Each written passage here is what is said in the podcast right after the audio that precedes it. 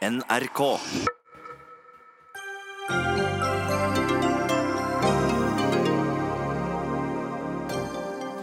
Knut Arild Hareide spilte høyt og tapte.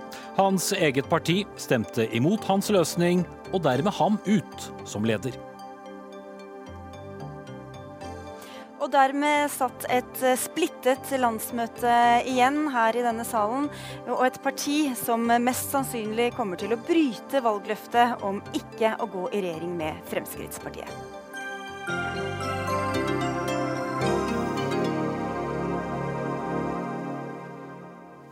Da sier vi riktig god kveld og velkommen til Dagsnytt 18. Ikke noe vanlig Dagsnytt 18, naturligvis, etter all dramatikken på landsmøtet til Kristelig Folkeparti på Gardermoen. Den som ønsker velkommen i studio på Marienlyst, er Espen Aas. Og fra landsmøtesalen på Gardermoen, der har vi deg, programleder Sigrid Solund. Ja, og her har det virkelig vært eh, litt av en dag. For alle her i salen, for KrF-ere rundt omkring i hele landet, og egentlig for hele Norge. Fordi her i salen i dag er det altså blitt bestemt hvem som skal styre landet de neste årene. Eller i hvert fall i uoverskuelig tid. Og det valget innebærer altså at dagens regjering blir sittende. Det blå veivalget vant altså med 98 stemmer mot 90 eh, på såkalt rød side, og to blanke stemmer. Og Tone Sofie Aglen, politisk redaktør i Adresseavisen og politisk kommentator her i NRK, Magnus Takvam. La oss først bare gå noen minutter og en halv time tilbake. Hvordan vil dere beskrive det som skjedde her i dag?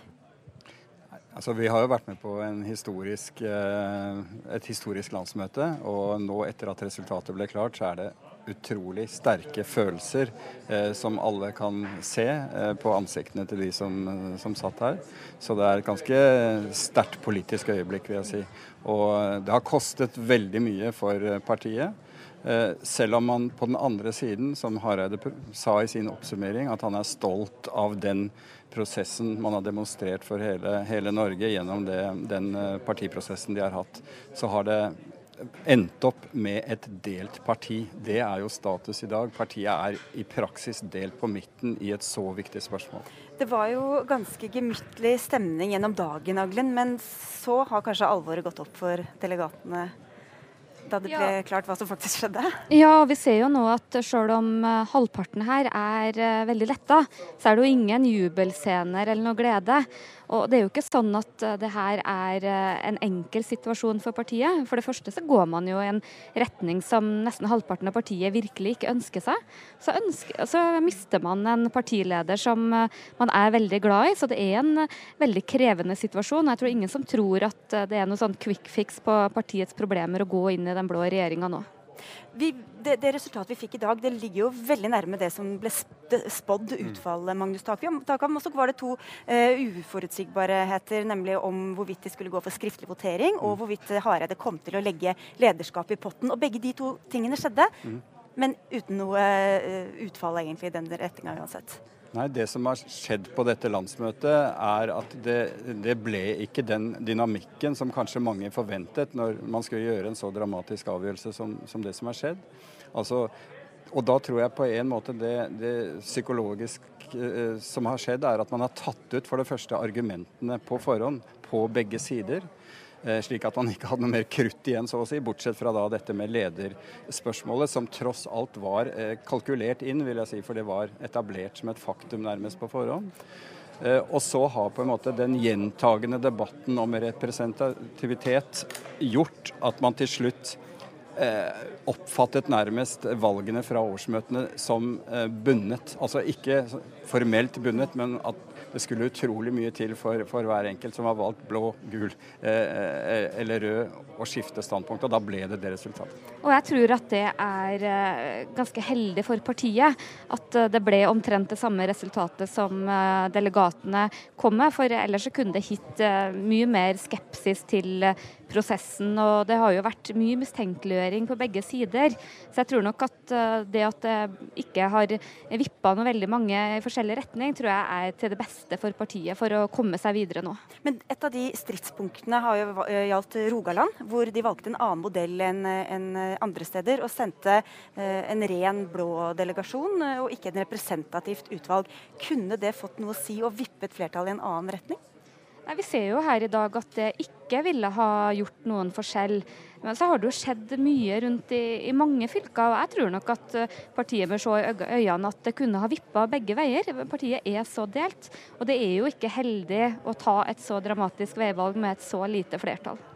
Altså, hvis man skal gå inn i regnestykkene, så ville fire eh, flere til, eh, til, rød side gitt 94-94, liksom. Eh, så vi skjønner at dette resultatet er helt marginalt og til, nærmest tilfeldigheter som eh, har, har, gjort at man landet på den siden av streken.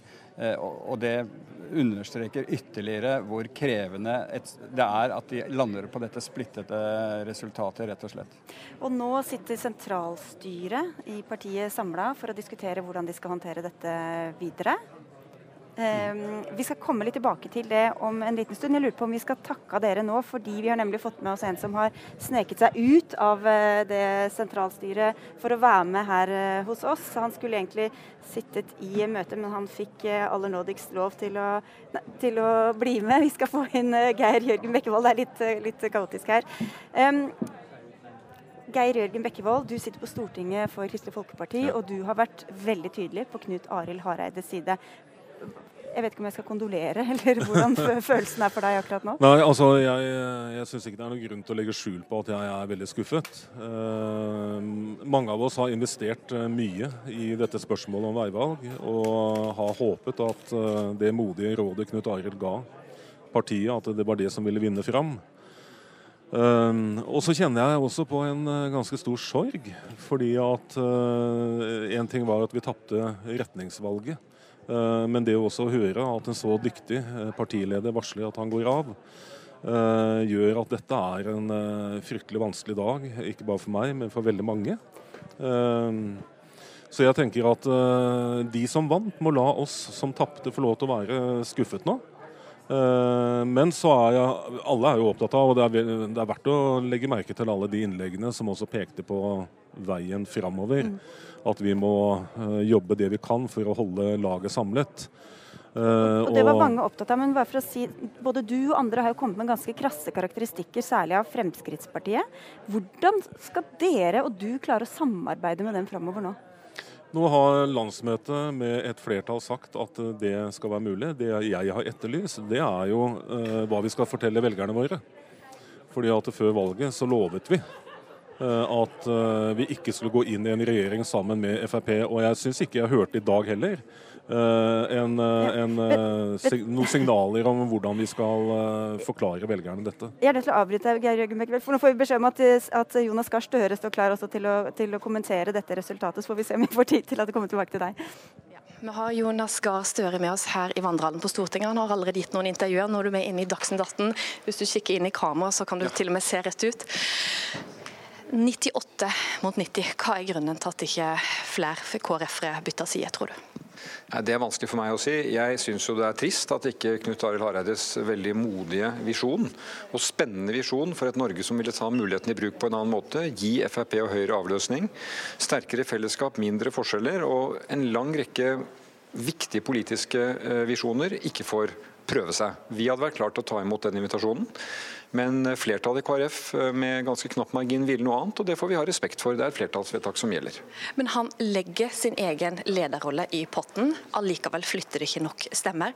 I hva grad kan KrF-ere bli skremt av venstresida? Nei, du, Det var et nær, veldig nært resultat. da, uh, og Jeg skal ikke gå inn og spekulere på det. men... De har, Gjør, du, hva jeg tror det er grunnen? Nei, jeg tror grunnen er at uh, et lite flertall ønsker å gå inn i regjering med Høyre og Frp. Uh, det er en regjering hvor de to partiene kommer til å få større innflytelse. fordi en flertallsregjering der vil de to store partiene få større innflytelse enn det som har vært nå. Sentrum er borte som vippeposisjon her i Stortinget. og Da blir det skarpere fronter. Og I regjering så skal Kristelig Folkeparti finne enighet med Frp 24 timer i døgnet, sju dager i uka. Sånn er det. Men det er et parti som har vært splittet, og jeg syns det er trist for landet at ikke de gikk i den retningen som Hareide anbefalte. Og hva, Nå skal KrF da inn i regjeringsforhandlinger. Hvis de ikke fører frem, hva da? Nei, altså jeg tror bordet fanger på begge sider. Men uh, som jeg sa Hva betyr det? Nei, At jeg regner med at de kommer i regjering. Men eh, som jeg sa, vi planla denne perioden etter vi ikke nådde fram i valget i opposisjon. Hadde denne situasjonen oppstått, så kunne vi møte den. Skulle det oppstå nye situasjoner, så er Arbeiderpartiet klar til å ta ansvar. Men vi er jo nå i en god utvikling. Vi går opp på målingene, vi legger fram politikk, og vi har et godt driv fram mot kommunevalget. Og det kommer vi til å fortsette med full kraft nå. Det går bedre på målingene målingene nå, men det har vært mye uro i Arbeiderpartiet eh, det siste året. Veldig mye. I hva grad tror du at det kan ha vært med på å skremme KrF-ere? Det tror jeg ikke har hatt noen betydning. Parti... Tror du virkelig ikke det? Nei, jeg tror ikke det. For jeg tror partier de får sine Eh, problemer fra tid til annen. Vi har hatt våre, men alle som ser vårt arbeid nå, ser at vi har lagt det bak oss, eh, og at vi jobber med politikk. Bare i denne perioden har vi lagt fram ny politikk på arbeidslivsområdet, på distriktspolitikken, og nå kommer det et spennende opplegg på oppvekst. Eh, da er det et opplegg ikke vi kan ta videre med KrF. Det tror jeg er synd for norske barnefamilier, men sånn er det. Men vi er ganske fortrøstningsfulle om at det nå gir oss, gis også noen nye muligheter i den opposisjonsrollen. Takk til deg, Jonas Gahr Støre, for at du var med i Dagsnytt 18 skal du få løpe videre. Og her i landsmøtesalen eh, har vi en rekke gjester som både er letta og som er lei seg. Den skal vi snart eh, få høre fra. Men Espen Aas, du sitter klar med noen gjester i studio på Marienlyst også? I aller høyeste grad. Eh, og jeg kan begynne med deg, Trygve Slagsvold Vedum, leder i Senterpartiet. Da ble denne helgen litt lettere for deg, da? Ja, nei, da, kan, da får jeg skifte dekk i morgen istedenfor å skifte regjering. Så det, så det var jo ikke Jeg syns jo det er synd, da. Vi hadde jo lyst på å sette meg ned sammen med de kreftene i Kristelig Folkeparti som ønska en annen kurs for Norge. Der vi skulle se hele landet. Diskutere om man skulle slutte med tvangsbruken mot Finnmark. For eksempel, det var mange saker som ble eh, løfta opp også eh, under landsmøtet og i, i ukens måte, Nærpolitireformen egentlig veldig mye sentralisering, norsk eierskap, norsk mat. Så til derfor så var det noen muligheter her. Eh, og det er eh, når da Først ble det da et flertall i landsmøtesalen, så et annet. Så det er et veldig splitta parti som nå søker makt sammen med Frp og Høyre. Og som du også da eventuelt hadde måttet uh, gjøre samtaler med. Men samtidig, vi er altså på vei mot et kommune- og fylkestingsvalg hvor dere som alltid, og alle partier for så vidt, har store ambisjoner. Nå kan du satse for fullt på det, enn å gå inn i regjeringsforhandlinger med et splittet Kristelig Folkeparti og et Arbeiderparti som i aller høyeste grad har sett bedre dager. Mens ditt parti har jo ligget uh, godt an på målinger, gjorde det best av alle partiene på siste målingen til uh, NRK. Er det ikke også en, den siden ved det at det er bedre å vente til samarbeidspartnerne er i bedre form? Men det som er viktig å huske på er at Alle de partiene som nå diskuterer altså skal inn i regjering, altså dagens regjeringspartier, pluss KrF og Arbeiderpartiet gikk jo tilbake i forrige valg. Alle de fem gikk tilbake, og vi gikk fram. Og jeg tror Hovedgrunnen for det var at de partiene hadde i større eller mindre grad støtta en del av de sentraliserende reformene som Høyre og Frp sto bak. Så det som var viktig for oss, var jo klare, der kom Audun Lysbakken, ja, det, det, som var viktig for oss var å klare å få til en ny politisk kurs for landet der vi så hele landet, så hele Norge. Og vi må jo fremme de forslagene kjempe på. Og så vet vi at det er veldig mange da, i Kristelig Folkeparti som er mer enige med Senterpartiet enn med Frp og Høyre. Og da får vi være tydelige og kraftfulle, som gjør at vi skal påvirke politikken gjennom stortingssalen. Mm. Audun Lysbakken, leder i SV. Dere var jo for så vidt ikke helt invitert inn i varmen, iallfall ikke hvis det var Knut Arild Hareide som skulle hatt det siste ordet. Men nå kan du ligge an da til å bli en flertallsregjering for første gang siden du selv eh, hadde parti i, i regjering. Hvordan endrer dette Stortinget dersom da Kristelig Folkeparti klarer å komme til enighet eh, med den sittende regjeringen? Nei, Det er jo en ganske dramatisk endring. Altså, Flertallet i Kristelig Folkeparti har jo nå valgt Fremskrittspartiet foran Knut Arild Hareide. og Det får den konsekvens at Høyre og Fremskrittspartiet får mye mer makt i norsk politikk. Altså, Hvis noen nå tror at de har tatt eh, politikken og regjeringen mot sentrum, så tror jeg de kommer til å innse etter hvert at det får helt motsatt effekt. For nå uh, forsvinner den bremseklossen KrF har vært når det gjelder uh, den økonomiske ulikhetspolitikken til regjeringen, når det gjelder sentraliseringspolitikken til regjeringen. I tillegg så har man jo også nå ødelagt muligheten for samarbeid på tvers mellom miljøpartiene over blokkgrensene. Så Høyre og Fremskrittspartiet er nå i en mye mektigere posisjon, både når det gjelder fordeling, når det gjelder miljø, eh, og når det gjelder eh, fortsatt sentralisering i Norge. Så eh, her kommer det til å trenges tøff og tydelig opposisjon, og det skal vi levere.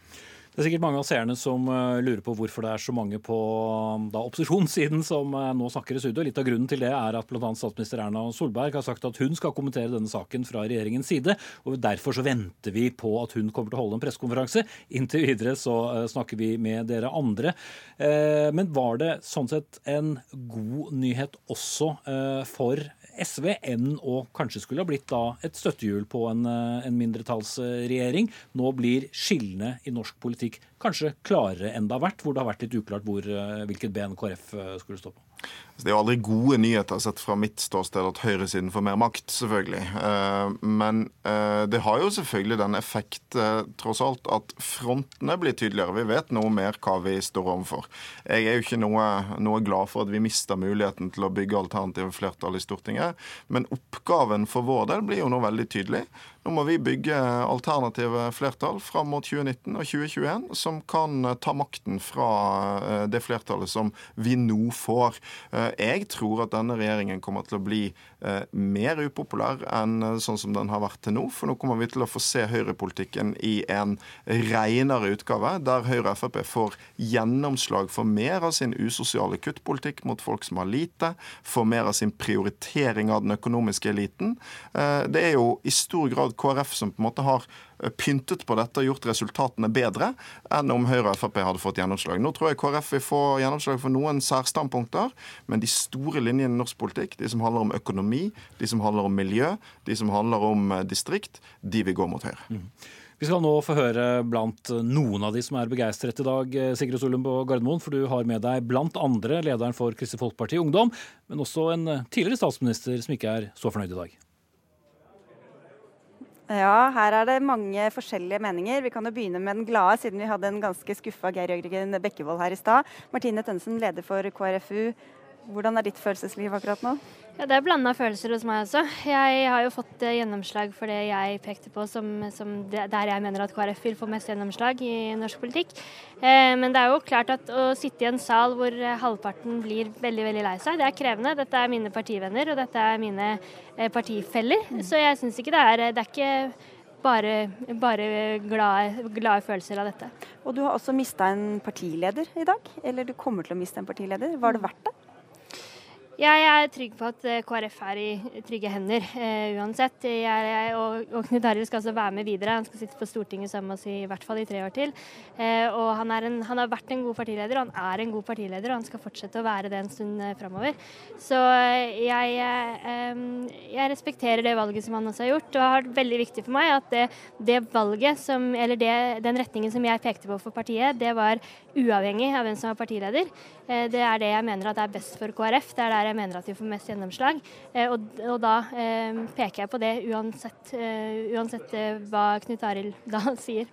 Mm. Og så til en som er halvveis introdusert allerede, Kjell Magne Bondevik, tidligere statsminister og KrF-leder. Hvordan syns du det hele endte?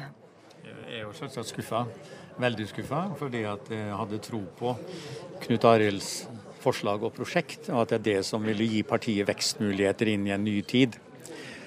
Um, vi har en fantastisk flott partileder, og jeg er selvsagt ekstra lei meg for at uh, på toppen av det hele så mister vi også han mm. i den posisjonen. Men um, landsmøtet har talt. Da må vi se framover. Uh, og jeg ønsker jo de som nå skal forhandle med sittende regjering, lykke til. Jeg håper de lykkes. Men det skal jo vurderes det resultatet de kommer fram til, både underveis og til slutt. Og så håper jeg at partiet går videre samla. Det tror jeg vi to er enige om. Men ofte eh, så hører vi jo fra tidligere partiledere og partinestorer at de vil ligge unna eh, dagens politiske situasjon og, eh, og, overlate det til de som er aktive. Du har vært involvert. Einar Stensnes, tidligere KrF-nestor, Valgerd Svarstad Haugland. Alle har kommet på banen underveis i denne prosessen, som også har fått en del kritikk for hvordan den har forløpt. Hvordan tror du det har slått ut at dere har vært såpass tydelig? Jeg har jo sagt uh, nei til holdt på å si hundrevis av uh, forespørsler, bl.a. fra dere i Ja Dagsnytt da, 18. men du Det har, jeg du har hvert fall vet. vært litt synlig, da. Så jeg gikk ut et par ganger veldig synlig, og så sa jeg at nå får det bli med det. Jeg syns det ville være litt rart om vi som har jobba for dette partiet over 50 år, og er glad i det, skulle ha et slags taleforbud når eh, partiet skal ta et viktig veivalg. Vi har jo sett at tidligere statsministre og partiledere til og med i et annet parti, altså Høyre, med Kåre Willoch, blanda seg inn. Og da tenkte jeg da må i hvert fall vi få lov til det, vi som jobber for dette partiet. Vi har sett også en rekke innmeldelser i Kristelig Folkeparti, og mange av dem nå har ikke vi noe tall her, men har begrunnet det med den retningen som Hareide pekte ut. Hva tror du kommer til å skje med oppslutninga for partiet framover nå? Jeg håper jo at flest mulig blir i partiet. Det, KrF skal være det samme partiet helt uavhengig av hvem vi samarbeider med. Vi kjemper for de samme sakene, eh, og vi vil ha gjennomslag for de samme tingene. Eh, Så jeg håper at folk blir, at de eh, gir dette en sjanse, og at vi viser hva det er vi får gjennomslag for, før man eventuelt gjør noe annet. Men for å sitere fra talerstolen her i stad, hvorfor skal man ha noen tro på at man skal vokse ved å gjøre akkurat det samme som man har gjort i fem år, mens man har sett partiet minske i oppslutning? Ja, Det gjør man jo ikke, da. Man i, eh, prøver å gå inn i Solberg-regjeringen og prøver å, å, å sitte med hånda på rattet dag-til-dag-politikk. Så det er en endring. Eh, og jeg har stor tro på den endringen, og jeg skal i hvert fall gi det en sjanse. Så jeg håper at flere også gjør det. Ja, vi får håpe det går bra. Det ønsker jeg virkelig, for jeg er glad i dette partiet. Men, jeg tror jo ikke at å gå inn denne regjeringa er noe sesam, sesam til framgang. Det ser vi på Venstre, som har gjort det. Siste gallup hadde de 2,3. Den var dårlig for KrF òg, men den var enda dårligere for Venstre. Vi håper ikke det går sånn med KrF, men det er jo det noen av oss frykter. Mm. Vi får eh, vente og se. Det er jo mye som skal skje de neste dagene. Vi sier tusen takk til dere to for at dere kom nå. Så skal vi få inn flere delegater fra dagens eh, landsmøte. Vi får på plass eh, tre, tre stykker her nå. Vi kan jo begynne med deg, eh, Hilde Ekeberg. Du er sentralstyremedlem. Du Så vi alle som følger, får følge med på TV, kan se at du kanskje har felt noen tårer nå. Det har jeg gjort. Hvordan er det? Jeg er lei meg, jeg er skuffa um, og ganske tom. Hva er det som er liksom det vondeste nå? Akkurat nå er jeg bare veldig tom, for det har vært um, Dette har jo vært litt sånn dag og natt de siste fire ukene. Um, og selv om man gikk inn i dette møtet og visste at dette kom til å bli utfallet, så er det, um, det er noe helt annet å ha resultatet i fanget. Og, og da må man bare ta seg tid til å være skikkelig skuffa og lei seg og litt sint og ja. Det blir noen dager nå med litt mer gråting. Men du sier at, at du visste at det kom til å bli resultat. Betyr Nei, det at det kunne bli. At det kunne bli, ja. Så du hadde troa helt fram til dere fikk Det var jo en bevegelse her. Altså, avstanden er mindre nå enn den var da vi gikk inn. Um, så noen snudde jo, og flere var i tvil. Og uh, det er jo ikke Altså, det var fire delegater til som skulle ha snudd, så hadde det vært likt. Så det er klart at det er det er mange som har mange følelser i dag, men, men det er vanskelig å tenke seg at dette hadde blitt en 100% seier for noen. For vi er, eh, vi er delt. Eh, og da hadde dette blitt tøft uansett. Og noen har jo seiret, da. Du, er- skal vi si, du er mer fattet, ved at Huset. Du er delegat fra Hordaland fra KrF, og du sto på hva vi kan kalle blå side, selv om dere nå ikke ønsker å, å bruke de betegnelsene lenger. Ja, nei, nå vil vi kvitte oss med de veldig fort og gå tilbake til de gule. Eh, det er klart at det er en lettelse der, da er det jo selvfølgelig. Men det er umulig å juble og glede seg når man har partifelle som eh, man er glad i, som gråter, og som man bryr seg om, og som man håper ikke mister motivasjonen. Så, så jobben nå blir jo å samle laget. Og, og vi skal ikke være et smalt lag, vi skal ha plass til alle. Uansett hva mening man hadde i dette valget. For det som er viktig for meg, og det som jeg håper skal bli viktig for KrF, det er jo å få gjennomslag for gul politikk. Og vi går jo ikke inn i noen regjering med mindre det er store gjennomslag som forhåpentligvis kan bli gode plaster på såret for, for Hilde og andre som er skuffa i dag. Så jeg har stor respekt for den skuffelsen som er. Det har jo egentlig vært flere fløyer. Vi snakker gjerne om rød og blå, men, men så enkelt er det ikke. Ingunn Karjord, du er delegat fra Møre og Romsdal. Hvor har du stilt deg egentlig? Jeg sto jo i midten, var veldig på at eh, vi skulle ikke ta beslutninger i dag. Eh, jeg fulgte ikke Grøvan helt fram til holdt på å si, valget 2021, men, Altså men eh, og fortsatt opposisjonslinje? ja, ikke sant, opposisjonslinja, men jeg håpte at vi kunne ha venta til landsmøtet til våren med å ta en beslutning. Mm. Og sånn at det var en nøye gjennomdiskutert sak i hele partiorganisasjonen. Og hva syns du da om, om der dere landa i dag? Jeg er veldig skuffa. Eh, Bekymra for eh, organisasjonen, rett og slett. Hvorfor det? Eh, Fordi at eh, det er mange som har meldt seg inn på bakgrunn av et engasjement og på bakgrunn av det Knut Arild sa i sin tale tidligere i høst. Og, og mange har signalisert at de vil melde seg ut, og frykter et utmeldingsskred, dessverre. Nå skal du vet, Du skal jo sitte i sentralstyret, du har ikke meldt deg ut. Jeg har ikke meldt meg ut. Så hvordan blir det for deg da å sitte og skulle jobbe aktivt for noe som du er så tydelig mot? Altså Uansett, eh, hvis vi skal inn i en regjering, så vil vi jo få gjennomslag for KrF-politikk. Og det er jo pga. KrF-politikk jeg står her. Um, så, som i likhet med Beate så regner jeg med at nå, nå må vi få store gjennomslag. eh, og de skal jeg være med og bidra til. Et av de virkelig sentrale punktene som er kommet opp de siste ukene, er jo det, eh, dette spørsmålet om abortlov. Er det noe mm, dere ser på som et slags ultimatum inn i disse forhandlingene? Ettersom det også fikk såpass stor oppmerksomhet fra talerstolen i dag?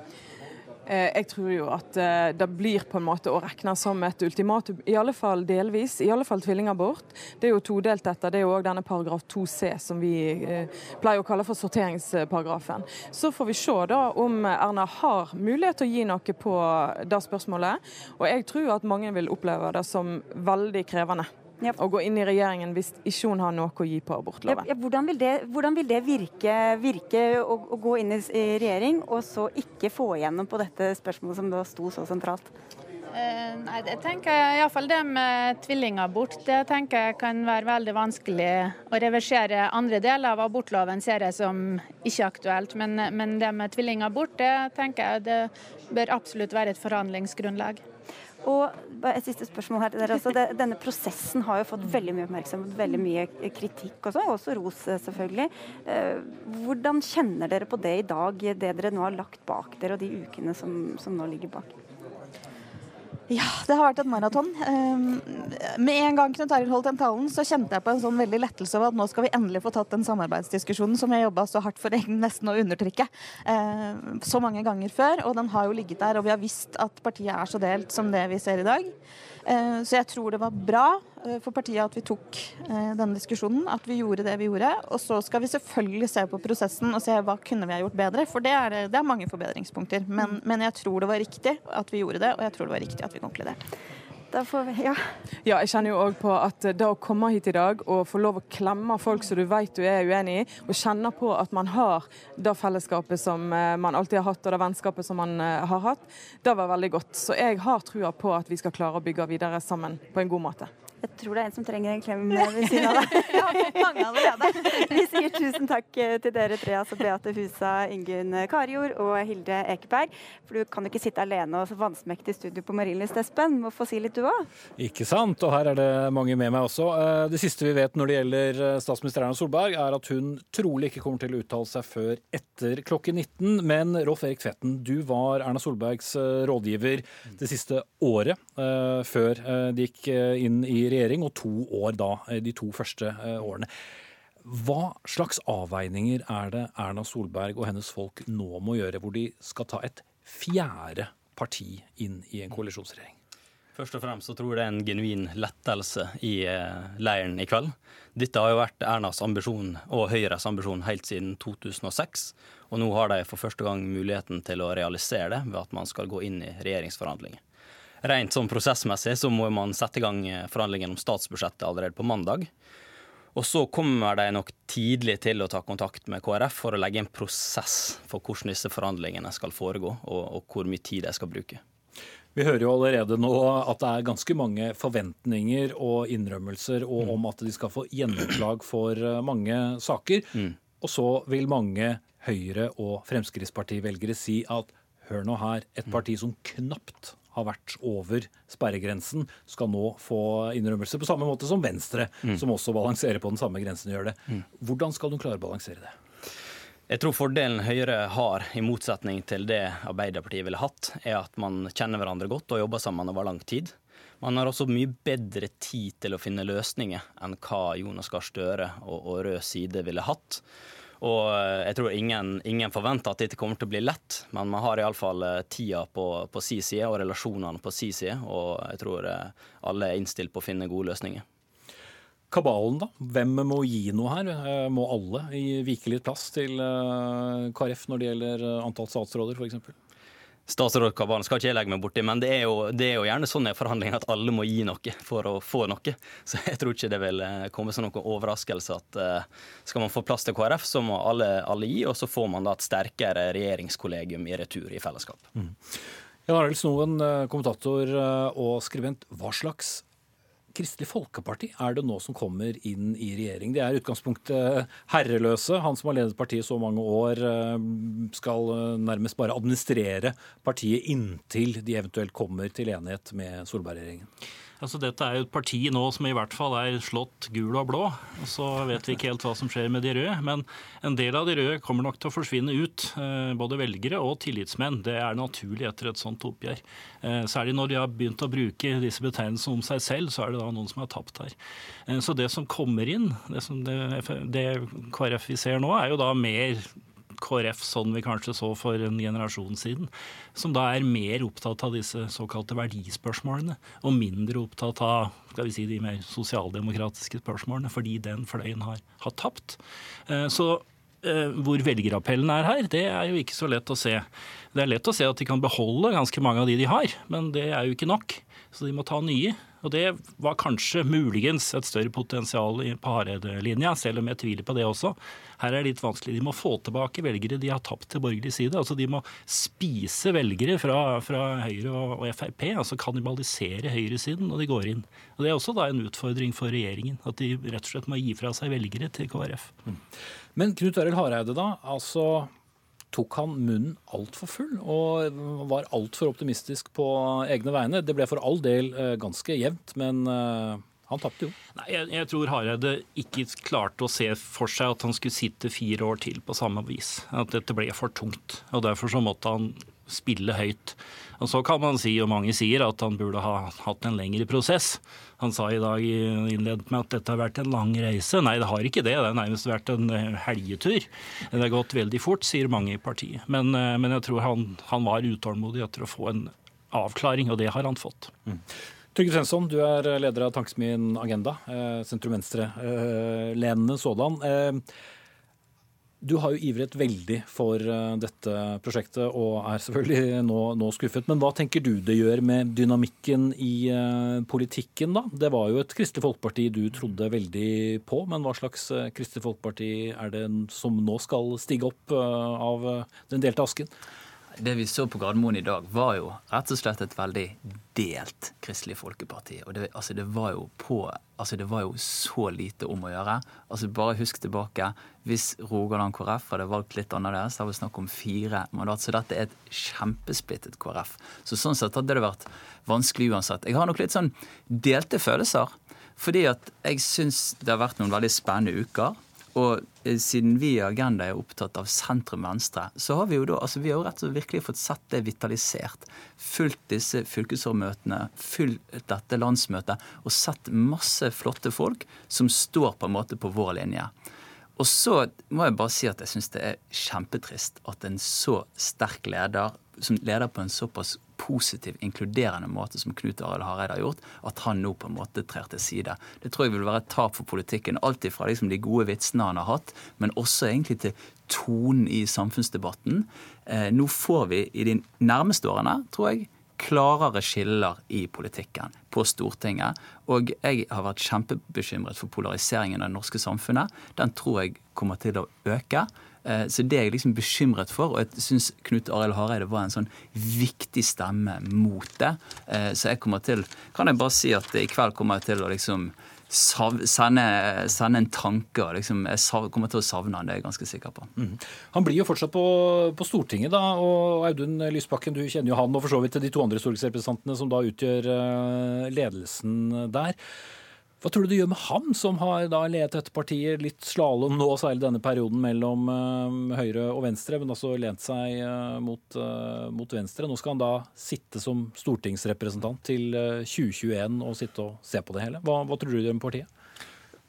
Altså, Når det gjelder partiet, så tror jeg jo at uh, dette vil stå igjen som et avgjørende veivalg, der KrF tok et skritt til høyre som det er veldig vanskelig å gjøre om på. Uh, og som betyr en veldig sterk uh, styrking av høyresiden i norsk politikk. men som jeg tror over tid jo vil eh, gi eh, grunnlag for at eh, venstresiden kan komme sterkt tilbake. For jeg tror vi nå vil få se høyresiden sin forskjellspolitikk i mye mer ubegrenset form, og det er ganske upopulært i Norge. Så vi må jo nå bare skape tøff og tydelig opposisjon og vinne valg både neste år i 2021. Når det gjelder Knut Arild Hareide, så tenker jeg at noen får en ydmykende exit fra politikken. Knut Arild Hareide han eh, forlater partiledervervet med rak rygg, tror jeg med alles respekt. Eh, min respekt, i hvert fall. Eh, jeg må si at jeg syns eh, det står stor respekt av å tørre å ta det valget. Eh, og det handler om å stå for noe. Og jeg har i hvert fall lenge etterlyst også politikere kanskje på sentrum og høyresiden som er villige til å trekke grenser mot høyrepopulismen, som jeg mener er viktig å gjøre i vår tid. Venstre gjorde ikke det. Nå har flertallet i KrF ikke gjort det. Men Knut Arild Hareide gjorde det. Jeg tror han kommer til å bli husket for det. Eh, og jeg tror at eh, det kommer til å være noe som eh, han kommer til å bli husket for på en veldig positiv måte. Mm. Jeg tror, jeg tror vi skal huske at det er verdt å nevne at det er et langt mindre dramatisk grep for KrF å gå i regjeringsforhandlinger med Høyre enn å skifte side og gå i regjeringsforhandlinger med Arbeiderpartiet og Senterpartiet. Og, og polarisering det er jo at eh, det er noe jeg også frykter, og så mange frykter. Men jeg tror hvis KrF hadde skifta side, så hadde jo da eh, Frp eh, da gått ut av regjering, naturligvis. Og det kunne ha det kunne skapt et parti som hadde vært i, i fri flyt. Og jeg tror det hadde økt polariseringa i samfunnet mye mer på kort sikt enn en, eh, en det at KrF nå sannsynligvis går inn i ei høyreregjering. Vi skal straks til Gardermoen. Jeg bare spørre deg veldig kort, eh, Snoen. Altså, hva med Venstre nå? Ja, for Det er jo interessant, fordi de har når det gjelder såkalte verdispørsmål, så er jo Venstre og KrF veldig langt fra hverandre. Det, det partiet som er størst problemer med det som Erna mer eller mindre har lovt bort, altså på abortsaken, er jo Venstre. Eh, og de sliter jo også veldig. Eh, så, og det er også litt, litt til Lysbakken. altså Dette blir da en sånn, nå blir det tydeligere høyrekurs. Det er jeg ikke så sikker på. Det jeg er sikker på er at, at makta nå flytter fra Stortinget til regjering. Det gjør den. Men nå må de da inngå alle kompromissene internt. Og det kan bli ganske mye sånn suppe i sentrum av det også. Og, og interne konflikter. Sigrid Sollund på Gardermoen, du har eh, dekket ditt eh, bord for å si det sånn, med enda flere gjester, og også noen der med god kjennskap eh, til partiet. Absolutt. Um, var det noe som gikk igjen fra talerstolen i dag, så var det det at nå gjaldt det å holde sammen og lappe sammen et splitta parti um, som har vært gjennom litt av hvert de siste ukene. Frøy Gudbrandsen, politisk redaktør i Bergens Tidende. Hva har denne kampen nå gjort med KrF? Altså, vi vet jo at det har vært splitta fra før, men uh, det har blitt sagt ting som ikke burde vært sagt. Eh, og frontene har blitt hardere i løpet av denne prosessen. Eh, og man har liksom folk som er i utgangspunktet sånn kunne i utgangspunktet kanskje gått litt begge veier, har liksom blitt dratt i den ene og den andre retningen. Og jeg tror særlig fylker sånn som Hordaland, som er veldig splitta i Der det er veldig delt, da, så har dette vært krevende. Veldig krevende høy temperatur. I hvert fall sånn eh, på talerstolen, ganske grei tone under, altså sånn så er det mye aggresjon og vonde følelser under da, som bobler over eh, innimellom. Så jeg tror de har en ganske stor jobb eh, foran seg. Men jeg syns jo talen til Hareide på slutten, den siste talen, var jo sånn sett en, en liten gave, da. Fordi han eh, trakk fram alt det positive, det vakre som vi har sett i løpet av høsten. Da. Tross alt så har de fått til noe, alle. Mm. Det har vel eh, også vært sagt at eh, de karakteristikkene som er blitt delt ut til eh, andre partier, kanskje også har følt at, at KrF-ere har tatt det til seg, og følt at de dermed har liksom blitt tatt, også, også, betegnet på den måten. Øystein Mjærum, du var eh, fra 2001 til 2005, mens Kjell Magne Bondevik satt som statsminister, hans politiske rådgiver. Mm. De skillelinjene vi har sett nå, er det skillelinjer som har ligget i KrF hele, tiden, og først nå kommet opp til overflaten? Ja, til en viss grad så, så er det det. Eh, men det har jo vært ganske surrealistisk for en tidligere KrF-politiker som meg å gå og høre KrF-ere omtale seg som rød eller blå. Det har vi aldri opplevd eh, i Kristelig Folkeparti eh, tidligere. Og nå som jeg står litt på utsiden og observerer dette, så er det ganske rart å se. Eh, og det har eh, skapt en del såre eh, følelser. Og jeg hører også når jeg går og snakker med en del av delegatene her nå, så er det mange som er såre pga. det såkalte kuppet i Rogaland.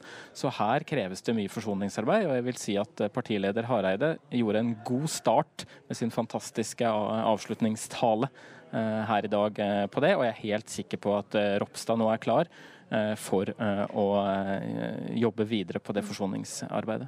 Ja, for Du har vært her i dag som observatør, som mm. menig partimedlem. men mm. Hvordan tror du utover denne talen til Hareide at de mm. faktisk skal klare å finne sammen og forsones med det ja. som har skjedd? Det er vel også noe i den kristne kulturen at de er ganske vant med forsoningsarbeid. Uh, og det, Jeg tror også mange er på en måte letta i dag over at nå er, vi, nå er det endelig tatt en beslutning.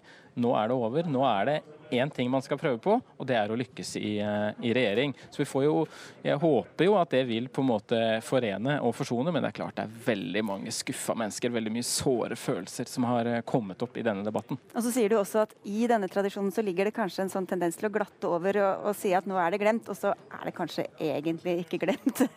allikevel. Ja. Mm. Altså, en ting som uh, flere har nevnt for meg, er at før har man kanskje vært litt for altså, Man har dyssa ned en del uenighet, og at det har tross alt vært en positiv utvikling de siste årene. At, har, at uenigheten har vært mer åpen, mm. og at det har vært noe sunt med det. Men så har det blitt for mye da, i høst. altså Det har bobla helt uh, over en del steder. Men at det å håndtere intern uenighet det er noe som KrF trenger å takle bedre. Uh, og dette kan liksom være starten på det. da. Ja, jeg snakket uh, bare for å illustrere det Bare si at det er Magnus Takam som snakker ja. her. Jeg regner med at våre lyttere og seere kjenner deg, men bare for ordens skyld.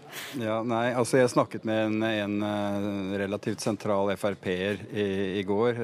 Um, bare for å illustrere det dere snakker om om partiprosesser. Her har sa vedkommende KrF gjort det stikk motsatte av det Frp gjør, når, som også jo har store interne spenninger. Vi prøver å skjule de og holde de internt. Eh, KrF har jo stilt de ut for hele verden. sånn at eh, Det sier mye om den prosessen vi, vi, vi har vært vitne til. Og jeg tror Én ting er forsoningsarbeidet internt i Kristelig Folkeparti. Alle skjønner at det vil være krevende.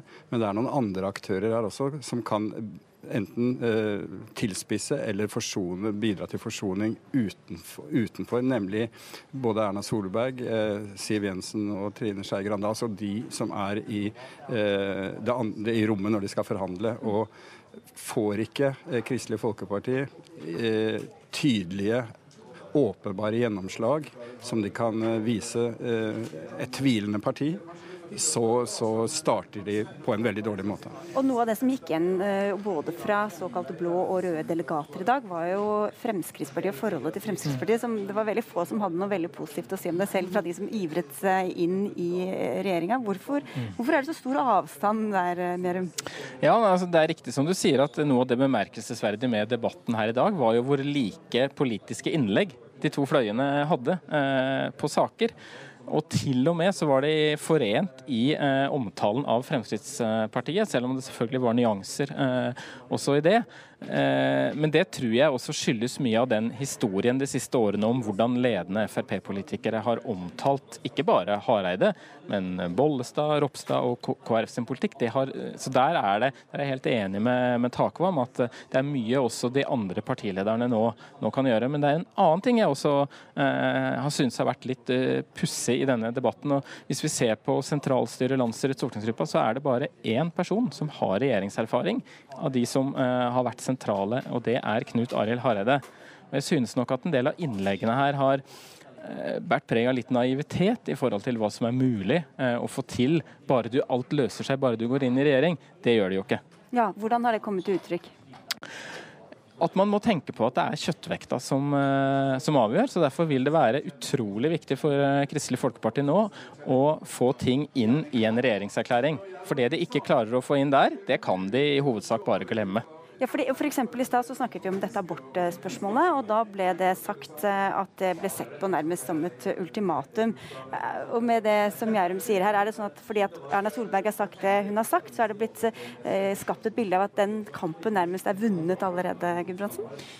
Ja, altså hvis ikke de får eh, gjennomslag for noen endringer i abortloven, så tror jeg dette blir eh, Altså da er det umulig, tror jeg, å gå inn i noen regjering. er, nå er det liksom en, bygd opp en veldig sterk forventning til det. Eh, så der, der har man kanskje høye forventninger. Men jeg, når Solberg har gått ut sånn som han har gjort, så så tror jeg man kommer fram til noe, men kanskje ikke, kanskje ikke nok ut fra de forventningene som er blitt skapt bl.a. i salen her i dag.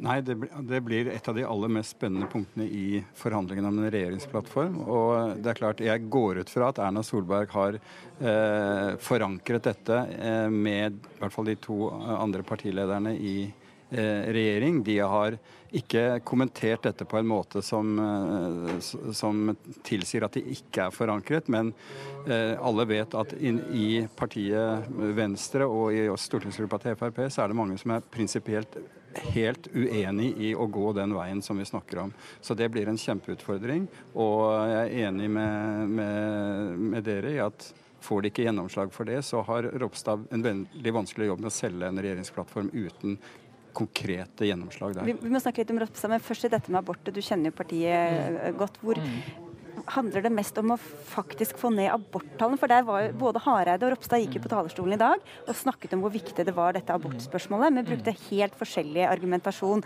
Og Hareide snakket om forebygging osv. for å få ned aborttallene. Ropstad snakket om denne eh, såkalte diskrimineringsparagrafen. Og, ja. og, Erna Solberg har snakket om at kanskje det viktigste er symbolet, mm. symboleffekten. Ja. Hvordan står dette, hva er det viktigste? Ja, jeg tror det sier litt om en del av de sånn særegne, eller noen vil kanskje til og med si sære tingene med Kristelig Folkeparti mm. som politisk parti.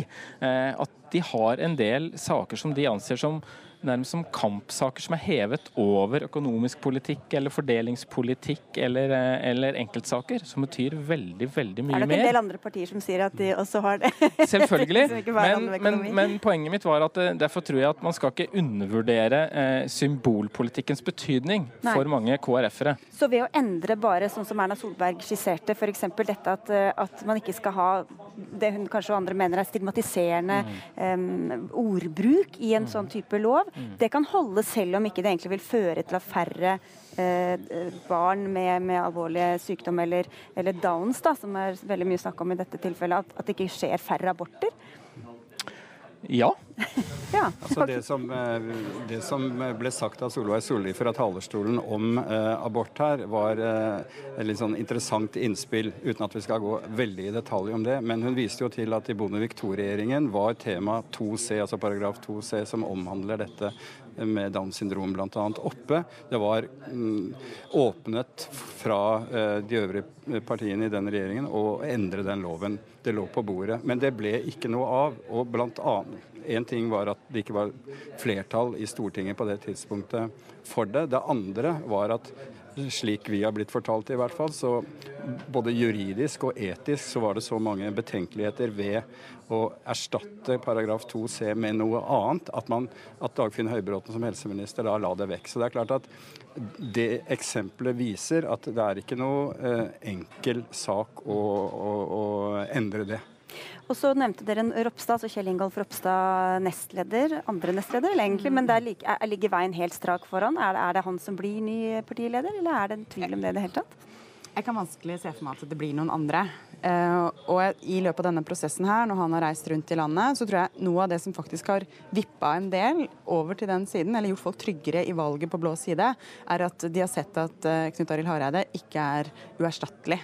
Og at han, blir, han har begeistra en del steder, rett og slett. Og um, er nok den som uh, man forventer kan ta over. Da. Så jeg tror han har, nettopp det at han har reist rundt og fått vist seg fram, gjør at uh, at en av grunnene til at det har endt sånn som det har gjort. Nå sto jo de på hver sin side i denne striden, men hvor stor avstand er det egentlig mellom Hareide og Ropstad som politisk ellers? Altså, de er i hvert fall gode venner. Nå er det muligens at det har blitt litt mer sånn uh, distanse. Men de er på joggeturer sammen og er liksom kompiser. Og så, så på det nivået der. Og uh, altså Ropstad er en pragmatisk politiker. Eh, og han sa jo selv eh, at han for sin del, dersom flertallet hadde gått den andre veien, eh, gjerne kunne sittet i en eh, forhandlingsdelegasjon med, med Arbeiderpartiet og Senterpartiet om en regjeringsplattform, og blitt eventuelt statsråd. Men selvfølgelig, det kunne ikke Knut, det omvendte kan ikke Knut Arild Hareide som leder gjøre, for han vil ikke ha troverdighet i den situasjonen. Men det viser jo eh, hvor pragmatisk han er, og eh, Ropstad også, og, og, at det er liksom de konkrete gjennomslagene i, i hverdagspolitikken som, som er viktig. Og, ja, du ville si det? Nei, altså jeg, Det er noe som det er spent på framover. For nå har jo Hareide har jo lagt frem måte, sin skisse til eh, det han had, trodde eller håpa skulle bli fremtidens KrF. Men Ropstad har jo på en måte ikke hatt tid til akkurat det samme. sånn at hans eh, måte, drøm om hva KrF skal bli, den har vi jo ikke blitt så veldig godt kjent med. Så Derfor så er det litt, for meg er det litt uklart, bortsett fra at han står litt lenger til høyre og er en pragmatiker, så, så er det mye man ikke vet. Mm. Men Ropstad har et veldig godt eh, utgangspunkt eh, her nå. For det er jo sånn at partiet de siste månedene har kjørt en politisk prosess. Så han har egentlig den politiske prioriteringsplattformen klar han for å gå inn i eh, regjeringsforhandlinger. Det vedtok landsstyret på sitt møte for en måned siden. Så han trenger ikke å gå nye runder nå for å få en politisk prioriteringsliste inn i, i forhandlinger. Sånn politisk så er partiet klar nå, og det er en stor fordel for Ropstad, som kanskje ikke har fått tid til å forberede så mye annet i disse disse ukene. Og Nå sitter altså sentralstyret samla og skal finne pønske ut hvordan de eh, går videre nå. Det blir vel en rask samtale til Erna Solberg, antar jeg. Og så får vi følge spent med utover både kvelden og helgen. Eh, og så setter vi over til deg, Espen. Ja, takk skal dere ha fra Gardermoen. En av tingene som vi snakket om i forkant var at uansett hvilket veivalg de gjorde, så måtte de bryte ett av to eh, valgløfter. Enten at man må avsette Erna Solberg eh, og dermed bryte det valgløftet, eller nå da trolig gå inn i eh, regjering med eh, Fremskrittspartiet, slik de sa de ikke skulle gjøre. Vil det få noe å bety for oppslutningen til partiet, Rolf Erik Tveten? Eller har, er det lett for velgerne å se forbi slikt? Jeg tror altså KrF har sprått opp og ned på målingene den siste tida. Jeg tror det er vanskelig å spå hva kurve de vil ta fremover. Jeg tror det er viktigere hva KrF gjør i regjering. Eh, enn hva velgerne feller av dom nå på kort sikt. Og De må få en synlig statsråd, og de må velge seg noen saker som de kan fronte, og som de kan få bredere oppslutning rundt enn de klassiske kjernesakene KrF eh, brenner for. Mm. Eh, kan du spørre deg, Trygge Svensson, leder i Agenda. Nå er det jo under et år til det er på en måte en eksamen på, for alle partiene med kommune- og fylkestingsvalget. Endrer dette mye av dynamikken? Nei, vet du hva, Det er jeg faktisk litt sånn usikker på, rett og slett pga. naturen i norske lokalvalg, der samarbeid går på en måte på kryss og tvers. Jeg kommer jo fra en by eh, som egentlig har fremhevet i denne debatten, nemlig Bergen, der KrF samarbeider veldig godt sammen med venstresiden. Så det, det tror jeg vil, Men det kan, det kan, være det sånn, og det er i så fall pga. at eh, frontene blir litt tydeligere i norsk politikk nå. Og når det gjelder, altså, Vi syntes jo fra Agendas side at det var liksom et litt sånn viktig innspill til KrF i debatten hvor er det et grunnlag for vekst som parti. Og Derfor så prøvde vi jo å se litt sånn datadrevet på det, og, se, og undersøkte Norsk Monitor, undersøkte ulike Gallup-undersøkelser. Og Da var jo bildet veldig tydelig at hvis du på en måte skal vokse som et kristendemokratisk sentrumsparti, så var Hareide-linjen der det var størst potensial. Men nå er jo på en måte valget tatt, og det vil være opp til Ropstad og resten av eh, partiledelsen der å styre skuten videre. Så får vi nå se hva, hva som blir resultatet. Vi har da sett eh, få kommentarer fra både Venstre og også Fremskrittspartiet. Leder Siv Jensen er på reise, og de sliter litt på nestlederfronten eh, for tiden, for å si det sånn. Men Jan Arild Snoen, er det mye oppside for Fremskrittspartiet i dette?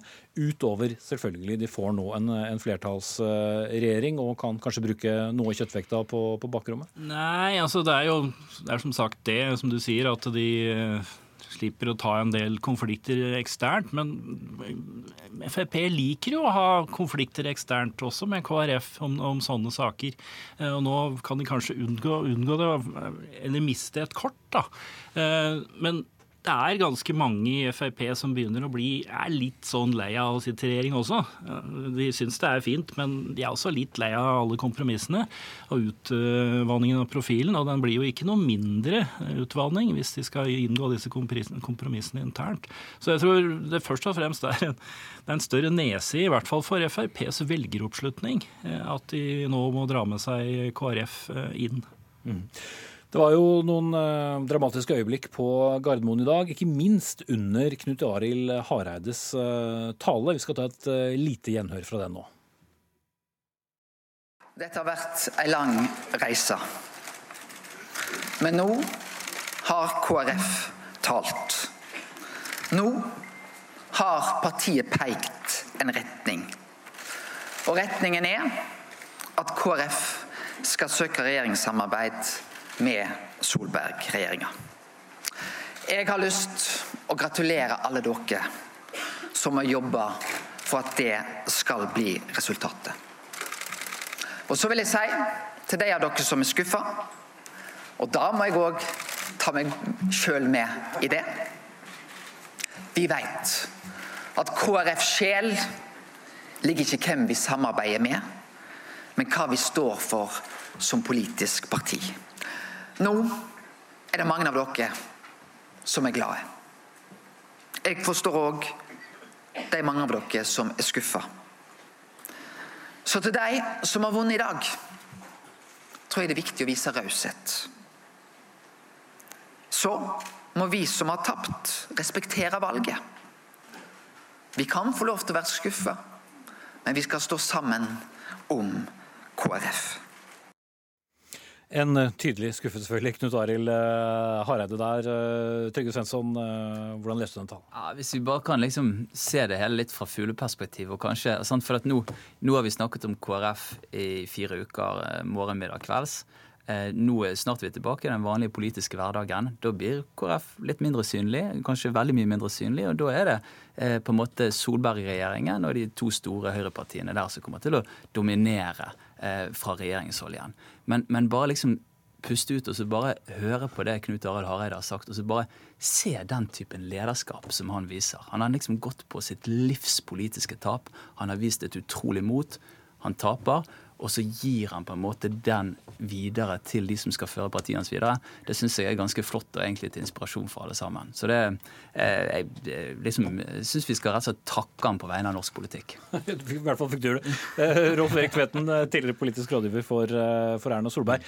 Hun har jo ikke kjempedårlig tid på å få på plass en ny regjering. De kan ha god tid, og Kristelig Folkeparti kan slikke sårene sine en god stund. Ja, og det Trygve nå, altså, han går jo inn i en god norsk tradisjon med at vi, vi hyller jo avgåtte ledere. Det er, jo, det er jo noe vi er flinke til i Norge. men hvis man inntar fugleperspektivet, så må det være mulig å på en sånn dag også si at Knut Arild har slitt noe med tydeligheten eh, som KrF-leder gjennom mange mange år.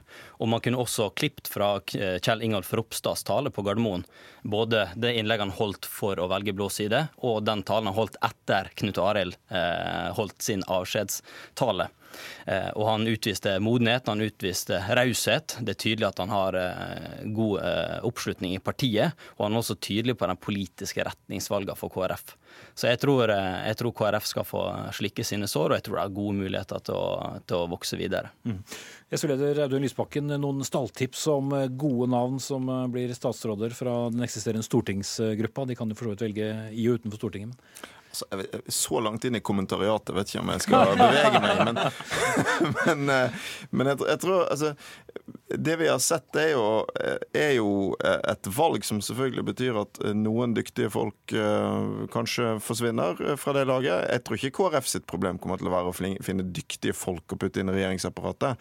Men de har jo nå tatt et politisk valg som betyr å velge bort en del muligheter knyttet til forskjeller, fattigdom og miljø, til fordel for det som i hvert fall sett fra mitt ståsted er kan si, langt smalere særstandpunkt. Jeg tror vi vil få se et mer smalt, mer tradisjonelt KrF, hvis det blir uh, Ropstad som blir leder og de går mot Høyre. Jeg tror jo potensialet for et sånt parti er lite, men det er nå KrF sitt valg. Og så får det være uh, vår jobb å være en tydelig opposisjon til det, hvis det er den veien det går. Jan Arild Snoen, det går mot slutten her, men uh, kort, hva vil kanskje være den viktigste saken å få KrF til å markere seg på når de skal inn i disse forhandlingene, for å vise partiet sitt at det lønner seg? Ja, de, de, vil jo prøve å få noe på verdispørsmålet, og da er denne abortsaken. da. Men jeg tror de bør nå ta en studietur til Sverige og se hvordan Kristdemokraterna gjør det i Sverige. For de har jo da hatt en tydelig borgerlig profil og åpnet opp for Sverigedemokraterna i tillegg. Men de har også klart å etablere sakseierskap på helsepolitikk gjennom en karismatisk leder. Problemet er at KrF har prøvd å finne disse andre sakene Og denne lærernormen som vi har fått, er jo pga. det. Men KrF har jo ikke fått en eneste stemme pga. skolepolitikk. Så det er vanskelig å finne eierskap til nye saker. Jeg får takke dere av SO-leder Audun Lysbakken, kommentator og skribent eh, Jan Arild eh, Snoen, Trygve Svensson, leder av tankesmien eh, Agenda, og Rolf Erik Kveten, tidligere politisk rådgiver for Erna Solberg. Nå er det Dagsrevyen straks på NRK1. Der kommer vi til å se eh, Erna Solbergs eh, første kommentarer etter landsmøtet til eh, Kristelig Folkeparti. Vi takker for oss her i Dagsnytt 18. Stikker bort for at det blir litt KrF-snakk til uke nå, men mer plass til annet stoff blir det. Ansvarlig for sendingen Jarand Ree Mikkelsen. Lisbeth Sellreite hadde det tekniske ansvaret, og det var Sigrid Solund på Gardermoen og Espen Aas her i studio som ledet denne sendingen.